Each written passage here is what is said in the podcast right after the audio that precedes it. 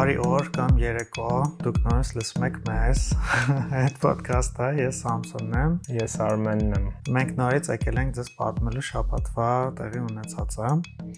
եւ խոսելու ենք ամենակարևոր իրադարձություններից, ինչպես միշտ, ինձ թվում է մենք ամեն անգամ ոդքասթը ձայնագրելուց ինչ որ երկու օր առաջ ենք ձայնագրել, նախորդ շաբաթվանը շատ արագ անցնում ժամանակը։ Ի տարբերություն նախորդ շաբաթների, այս շաբաթի իրադարձությունները բավականալի էր, գնացինք ամփոփելու։ Հետաքնող լրագրողներից Head Podcast։ Ընդամենը մի քանի օր առաջ, փետրվարի 6-ին, ավերիչ երկու երկրաշարժը տեղի ունեցել Թուրքիայի տարածքում հարավային հատվածում դեպի Սիրիայի սահման, որի հետևանքով այսօր արդեն փետրվարի 10-ն է ու զոհերի թիվն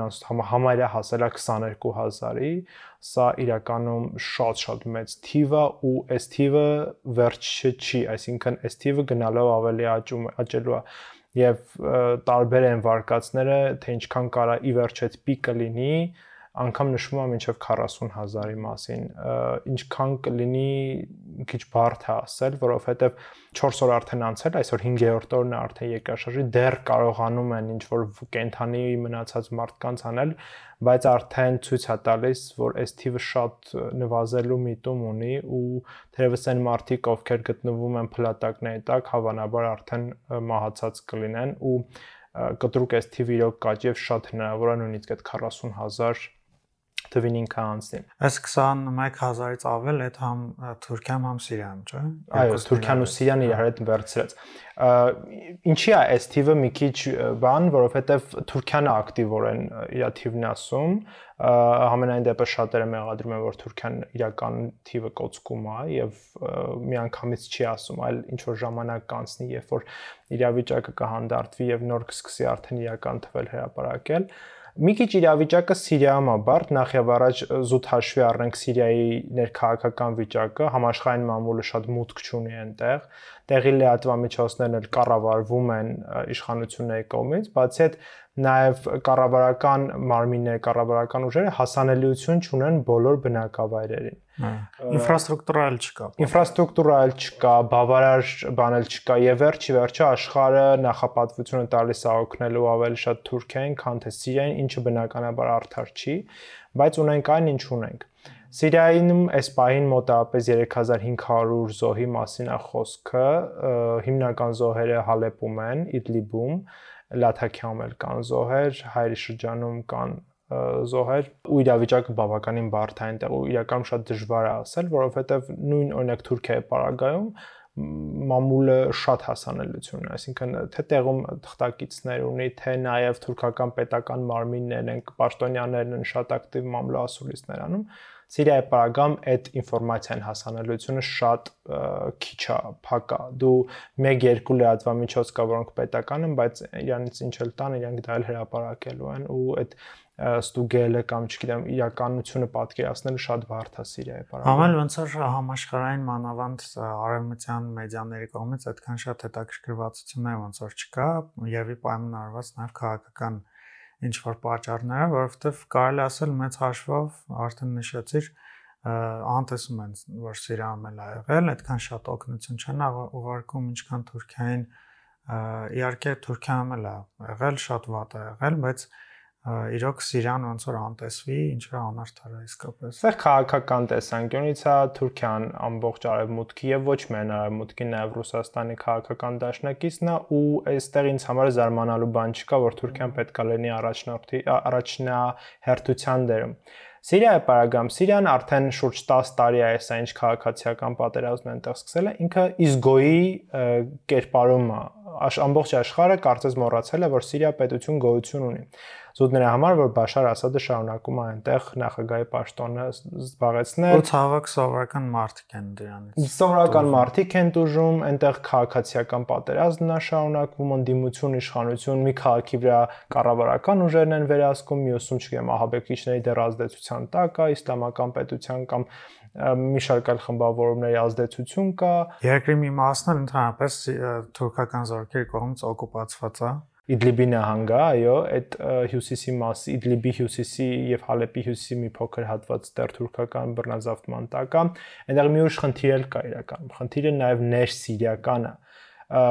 երկրաշարժը ոչ միայն արաբախոզ բնակչության շրջանում է այդ ազդեցությունը եղել, այլ նաև հյուսիսում քրդեր են ապրում, եւ քրդերը մեղադրում են սիրիական կառավարությանը, որ իրենց բավարար աջակցություն կամ բավարար այդ փրկարներ չի ուղարկում։ Այստեղ եւս մի խնդիր կա, որը ոչ միայն դրսի հետ է կապված, այլ նաև ներքին խնդիր է։ Դա կարա պայմանավորված լինի իհարկե, որ փրկարների թիվը բավականին սահմանափակ է, բայց այստեղ նաև կա քաղաքական մի քիչ նաև կոմպոնենտ, որովհետև Ասադը եւս քրդերի հետ նկատում շատ լավ, այսպես վերաբերմունք ունի, ոնց որ այդ վերաբերմունքը ունի նաև Թուրքիան քրդերի նկատմամբ, բայց ի տարբերություն Սիրիայի Թուրքիայում հիմնականում թուրքախոս բնակչության շրջանում երկրաշարժը տեղի ունեցել այդ ազդեցություն մեջ։ Իհարկե Դիարբեկիրը այնտեղ տուժել են, բայց տուժած չեն այդքան, ինչքան թուրքախոս բնակչության շրջանում ու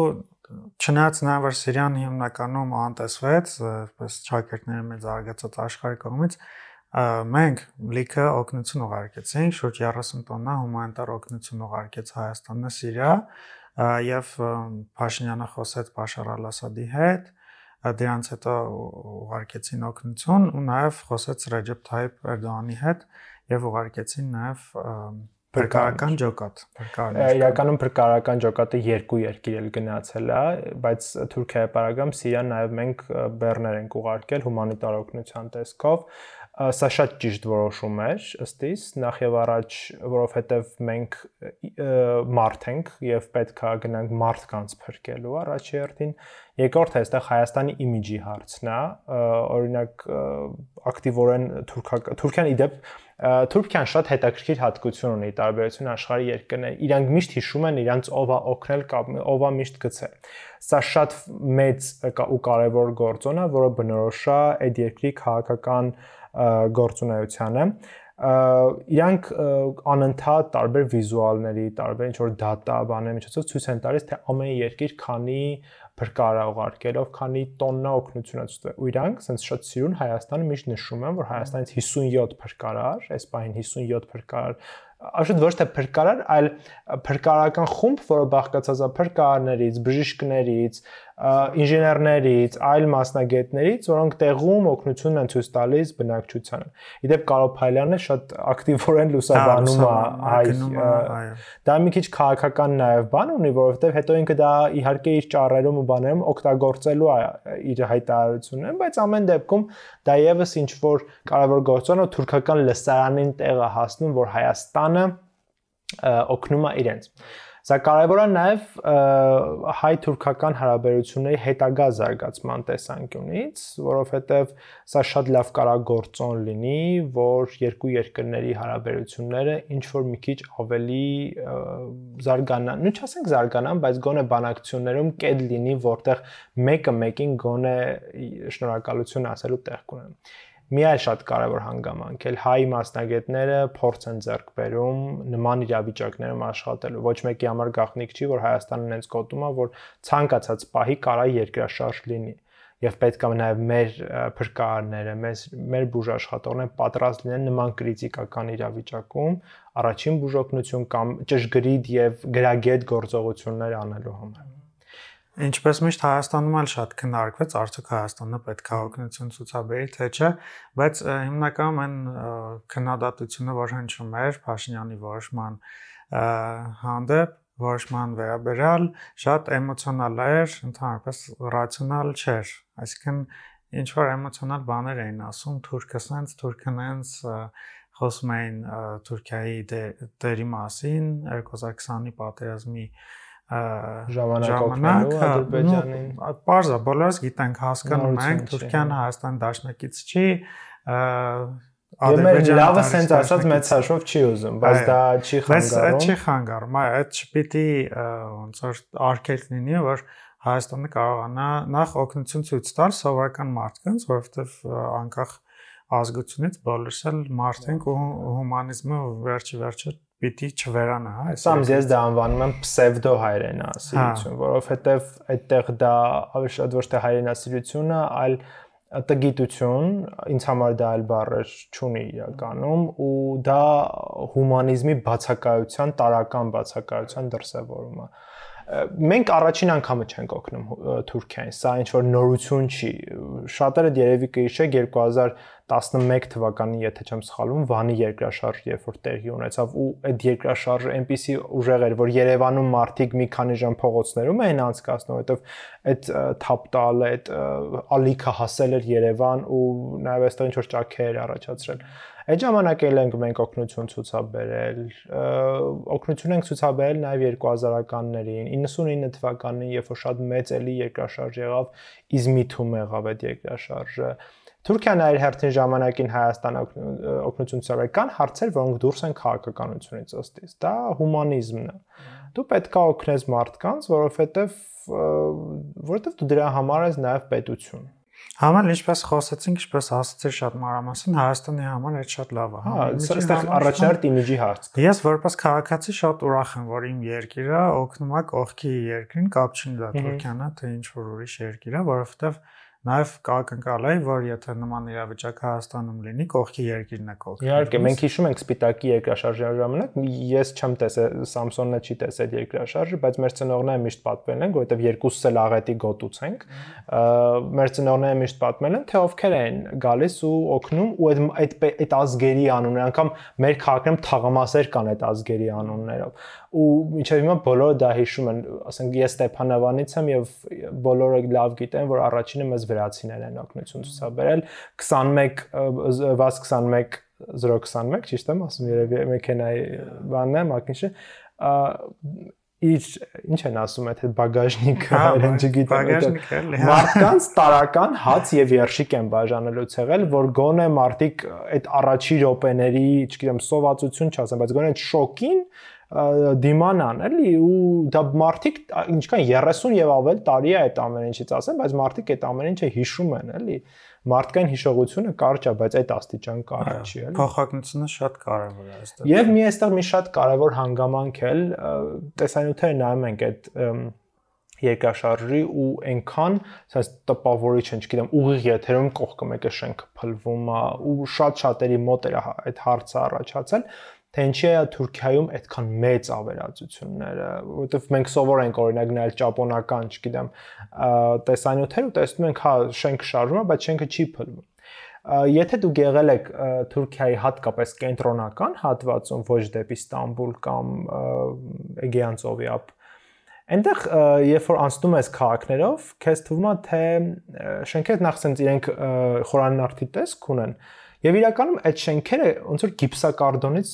պատրաստված են, այդ բարակության են իրան պատերը։ Եվ հենց սա պատճառ, որ իրանք ոչ ամուր շենքեր են, այդտեղ բնակչությունը բավականին խիտ է ու այդ բնակչությանը տեղավորելու համար եւ նաեւ պետական միջոցները խնայելու տեսանկյունից իրանք տենց կիսա կարդոն է, կիսա, չգիտեմ, քարի շենքեր են, դրա համար իրանք շատ արագ փլվեցին ու այդքան մարդ մնաց դրա տակ ու այստեղ Թուրքիայում շատ մեծ քննադատության ալիք առաջացել, որովհետև Թուրքիայի նախագահ Ռեջեփ Թայիփ Էրդողանի որդին Բիլալ Էրդողանը այդ շինարարական կազմակերպություններն ինք ուներ, որ հենց այդ նույն շենքերը ինք ժամանակին կառուցել էր ու Էրդողանի որդու եւ հենց Էրդողանի նկատմամբ քննադատության մի մասն էլ ստերից է գալիս։ Իդեպ տեսանյութեր կան Twitter-ում, որտեղ ցույց են տալիս տարբեր մարզերի բնակիչներ, որոնք ասում են, որ իրենց օգնություն չեն ցուցաբերում։ Այնտեղ ես մի առնվազն մեկ տեսանյութ Հաթայի նահանգից եմ տեսել, Իսկենդերուն քաղաքից ու դա էլ թուրքական ընդդիմադությունը շատ ակտիվ օգտագործում է։ Գիտենք, որ մայիսին Թուրքիայում նախագահական ընտրություններ են նախատեսված։ Ես հավանաբար կարծում եմ, որ այդ ընտրությունները հետաձգվելու են։ Հա, հավանաբար կլինի։ Բայց ամեն դեպքում ընդդիմությունը սա շատ ուժեղ օգտագործել է ու այս երկրաշարժն իրական շատ մեծ հարված է Էրդողանին ու առանցել ընդդիմության դիրքերը բավականին ամրապնդվել էր Թուրքիայում եւ հիմա Էրդողանին շատ մեծ challenge-ա սպասվում այդ խնդիրը լուծելու։ Ես էլ մի հատ նյութ էի տեսել, որ համեմատում էին այն տարածքները, որտեղ որ եղել են այն տարածքները, որտեղ որ եղել է երկրաշարժը եւ նախորդ ընտրություններում ինչպես են քվեարկել այդ տարածքներում մարդիկ ու հիմնականում Էրդողանին դեմ են քվեարկել, այսինքն ինքը շատ քիչ ձայներ է հավաքել այդ տարածքներում ու դրա պատճառով էլ նաև բացատրում են, որ ոնց որ լավ օգնություն չեն ցուցաբերում այդ մարդկանց, որովհետև հիմնականում հակաիշխանական են, հակաիշխանական տրամադրություններն են ու Էրդողանին չեն սիրում, Էրդողանի իշխանությունը չեն սիրում։ Հիմա այլ համացանցներ նաև մի շարք սոցիալական ցանցեր են նաև արգելափակվել, որ հա, այդ բողոքի նոտան շատ չտարածվի։ Ամեն դեպքում մենք մյուս շաբաթ եւս կանդրադառնանք այս թեմային, կհասկանանք ուր ենք հասել եւ արդյոք այս պատմությունը վերջ ունի թե չունի։ Նաև ուզում ենք մեր էպիզոդի մեջ անդառնալ Արայք Հարությունյանին եւ Ռուբեն Վարդանյանին։ Այս շաբաթվա ընթացքում մի քանի օր շարունակ տարբեր տեղեկություններ շրջանառվեցին, տարբեր մեդիաներում հրապարակումներ եղան, որ Ղարաբաղի նախագահ Արայք Հարությունյանը, իսկ ավելի ուշ նաև պետնախարար Ռուբեն Վարդանյանը մեկնել են Մոսկվա։ Այսինքն բլոկադայից դուրս են եկել եւ գնացել են Մոսկվա Ղարաբաղի նախագահի մամուլի խոսնակը ոչ հերքում է տեղեկությունները, ոչ էլ հաստատում եւ հրաժարվում է մեկնաբանել։ Մեկնաբանություններ չեն տալիս նաեւ Ղարաբաղի եւ Հայաստանի կառավարությունների լրատվական բաժինները մի շատ հետաքրքիր բան տեղ ունեցավ, ուրեմն ընդդիմադիր գործիչ Ղարաբաղցի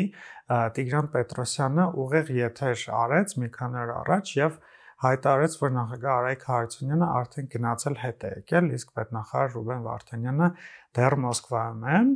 թե ինչ ճանապարհով եւ ինչի համար են նրանք մեկը մյուսի հետևից գնացել Ռուսաստան, ստույգ ոչ ոք չգիտի։ Տիգրան Պետրոսյանն կարծում է, որ նախագահի պետնախարարի միջև ներքին պայքար կա եւ խոսակցություններ կան, որ Արայք Հարությունյանը ուզում է Ռուբեն Վարդանյանին պաշտոնից հանել։ Տիգրան Պետրոսյանի կարծիքով եւ ըստ նրա տեղեկությունների նախագահ պետնախարարս քաղաքական տարաձայնությունների հիմնական պատճառը փողն է ուրեմն բանը նրանում է որ Վարդանյանի հանձնարարությամբ ես վերջերս ստուգումներ են իրականացվել Արցախի ներդրումային եւ գյուղաճակցության հիմնադրամներում եւ միլիոնների չարաշահումներ են բացահայտվել իրավապահ մարմինների հետ մի քանի օր առաջ սրա մասին նաև ասաց իրավապահների հետ մի քանի օր առաջ ունեցած հանդիպման ժամանակ սրա մասին ասաց նաև Արայք Հարությունյանը եւ նա պնդում էր, որ հանձնարարել է գտնել պետ հիմնադրամների գումարները փոշիացած մարդկանց եւ վերականգնել պետությանը հասցված վնասը։ Եվ հիշատակված հիմնադրամները բոլորին ողջ է, որ եւ հիշատակված այդ հիմնադրամները փոխկապակցված են Արայք Հարությունյանի հետ եւ Ղարաբաղցի դիմադրիչները դեռևս նրա վարչապետության ժամանակ տարիներ առաջ ահազանգում էին, որ հենց այդ հիմնադրամներով հսկայական գումարներ են լվացվում, պետակ եւ պետական միջոցները ուղղվում են Արայք Հարությունյանի մտերիմներին եւ հենց նրան հետաքրքիր է, որովհետև ինչպես ասացի, չեն մեկնաբանում ոչ Արայք Հարությունյանը, ոչ Ռուբեն Վարդանյանը, տեսնենք ինչ կլինի։ Իմ կարծիքով չեն էլ մեկնաբանի, բայց ամեն դեպքում շատ հետաքրքիր զարգացումներ են եւ հետաքրքիր է Ռուսաստանում նրանք ինչ են խոսեցել ում հետ եւ ինչ որոշումներ են կայացվել ամեն դեպքում ինձ թվում է ժամանակը ցույց կտա եւ մենք դրանց մասին կիմանանք արդեն ինչ որ տարբեր զարգացումների շնորհիվ։ Մի քիչ խոսենք նաև ներսում մեր Հայաստանում տեղի ունեցող իրադարձություններից, երևի շաբաթվա ամենա սենց highlight-ը, հա, անգլերեն ասեմ, այն էր, որ ընդդիմադիր Հայաստան խմբակցության ղեկավար պաշտպանության նախկին նախարար Սեյրան Օհանյանին Աժեն զրկեց իր падգամավորական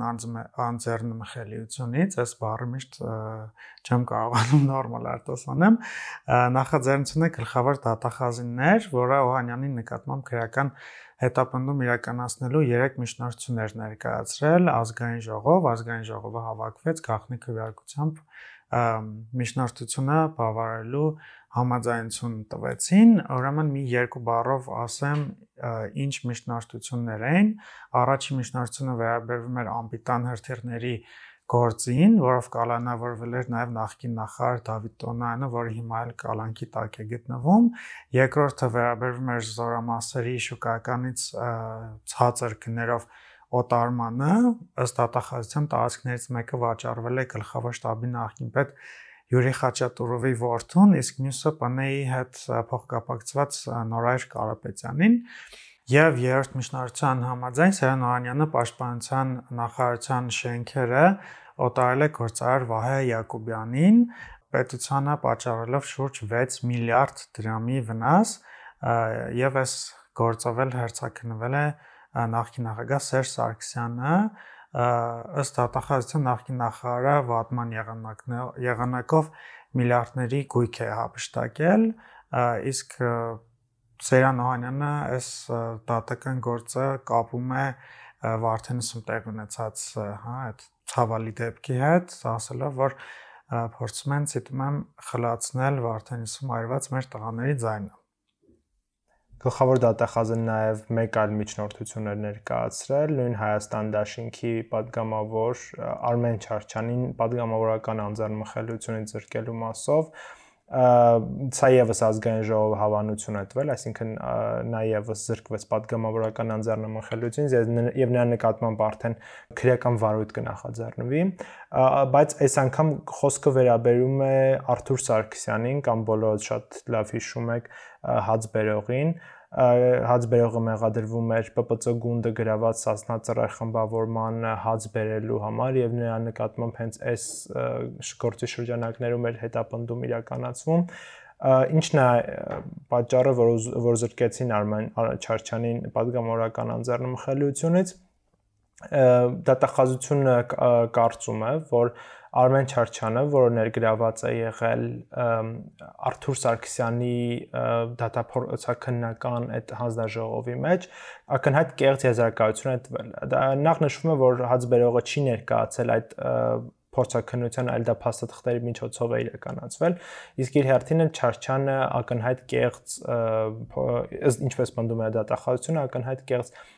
փորձագիտական եզրակացություն է տվել Սրանով չի համապակվում դատախազության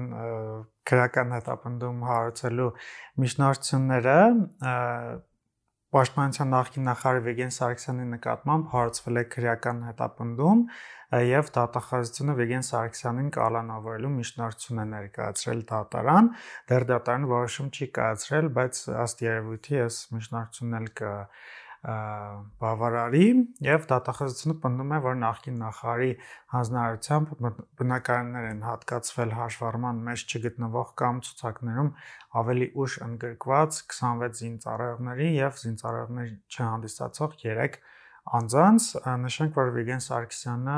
արդեն մի քանի տարի է գտնվում է ԱՄՆ-ում եւ այնտեղ է աշխատում մի քանի ամիս առաջ էլ մենք գրել ենք դրա մասին նա տուն է ձեռք բերել մի քանի միլիոն դոլարով, կարծեմ 1.5 միլիոն դոլարով տուններ ձեռք բերել եւ հիմա նրա հանդեպ քրական հետապնդում է։ Հարցվել հետաքրքիր կլինի հետևել է զարգացումները, որովհետեւ Վիգեն Սարգսյանին միգուցե Հայաստան պահանջի ԱՄՆ-ից Վիգեն Սարգսյանին արտահանձնել, այս դեպքում հետաքրքիր կլինի հետևել։ Մենք անպայման դրա մասին կպատմենք ձեզ։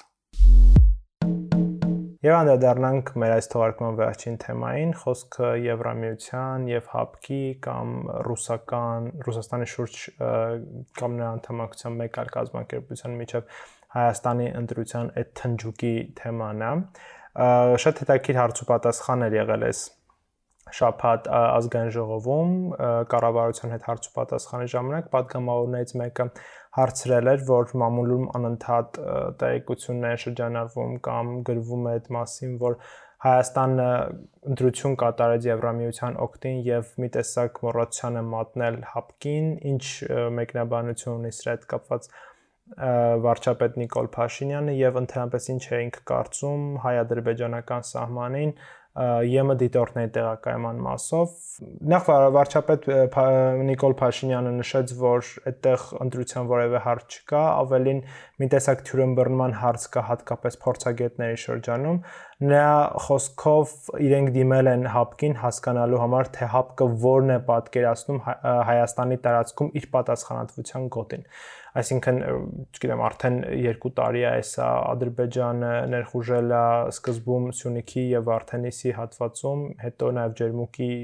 տեղի ունեցած մարտի հետևանքով մտել է հայկական տարածք եւ դա որոշակիորեն օկուպացրել ու հապկը միջև հիմա որևէ նախաձեռնություն չի ձեռնարկել եւ Փաշինյանը ասում է որ մենք դիմել ենք հապկին հասկանալու թե իրենք որն են համարում Հայաստանի Հանրապետությունում այն տարածքը, որ իրենց պատասխանատվության գոտումը, իսկ մինչև հիմա հապկը դեռ իրեն չի պատասխանել։ Ինչ վերաբերի տեսան։ Միայն խանդի տեսան։ Այո, եւ իդեպ այդ նույն արտահայտությունը, որ Հայաստանն ընտրել է Եվրամիությանը եւ չի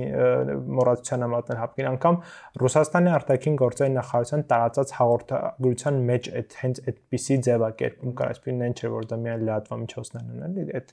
եզրույթը օգտագործել։ Ինչ վերաբերում է ԵՄ դիտորդներին, Փաշինյանն ասել էր, որ ի տարբերություն ՀԱՊԿ-ի Եվրամիությունում հստակ գիտեն, թե որն է Հայաստանի Հանրապետության տարածքը եւ դա իրենք փաստել են Պրահայում հոկտեմբերի 6-ին նախորդ տարվա տեղի ունեցած քառակողմ հանդիպման ժամանակ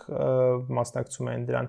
Փաշինյանը, Ալիևը, Մակրոնը եւ Շարլ Միշելը, դրանից հետո որոշվեց, որ Հայաստան պետք է ուղարկվեն դիտորդներ, այսինքն Եվրամիությունը ըստ Փաշինյանի տեղ արձանագրել է, որ Հայաստանի տարածքի ոտնահարում է տեղի ունեցել, Ադրբեջանը ներխուժել է մեր տարածք եւ պետք է լինեն դիտորդներ, որոնք տեղում պետք է մոնիթորինգի ենթարկեն իրավիճակը։ Փաշինյանի պնդմամբ հենց սա է եղել գլխավոր պատճառը, որ հայկական կողմը համաձայնվել է, որ բերեն եւ տեղակայվեն այստեղ ԵՄ դիտորդներ։ Իդեպ այս վերջերս շրջանառվում է նաեւ ու հատկապես ադրբեջանական եւ ռուսական մամուլն է շատ ծիրաժավորում կապված ժանդարմների հարցը։ Հա, ֆրանսիացի ժանդարմ։ Այո,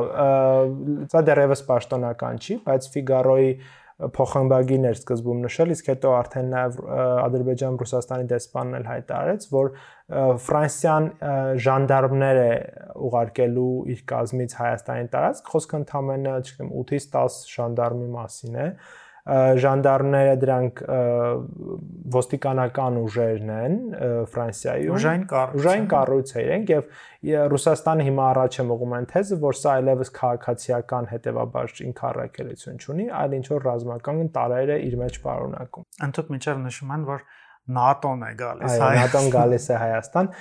ինչն է այստեղ հետաքրքիր Շատ ավելի հետաքրքիր է ինձ համար Իրանում Հայաստանում Իրանի դեսպանի հայտարարությունը, որը հայկական լրատվամիջոցներին տված հարցազրույցում ինքը ասաց, որ ինքը որևէ խնդիր իրենք Իրանը չի տեսնում, որ հայ-ադրբեջանական սահմանին տեղակայվեն Եվրամիության դիտորդներ, այսինքն առնվազն Իրանը պնդում է, որ ՆԱՏՕ-ն չի գալիս, թե չէ ՆԱՏՕ-ի բարակամ հաստատ Իրանը նման կերպ չէր արտահայտվի, էլի։ Բայց Ռուսաստանն Իրենց Ռուսաստանում դեռևս շարունակում են չտեսնել Ուկրաինայում իրենց քայլերը եւ տեսնում են այստեղ ինչ որ հորինված, չգիտեմ, ինչ որ բաներ եւ առաջ են տանում նույն ադրբեջանական թեզը։ Եվ ավելին նաև Հայաստանում Իրանի դեսպանն ասաց, որ իրենք թույլ չեն տա, որ Հայաստանի տարածքում որևէ միջանցք լինի, խոսքը ադրբեջանական թեզ հանդիսացող Զանգեզուրի միջազգային կոչված նախագծի մասին է, որով Ադրբեջան ուզում է ախափան կապ ունենալ Նախիջևանի հետ։ Իրենք չեն ուզում, որ այդտեղ լինի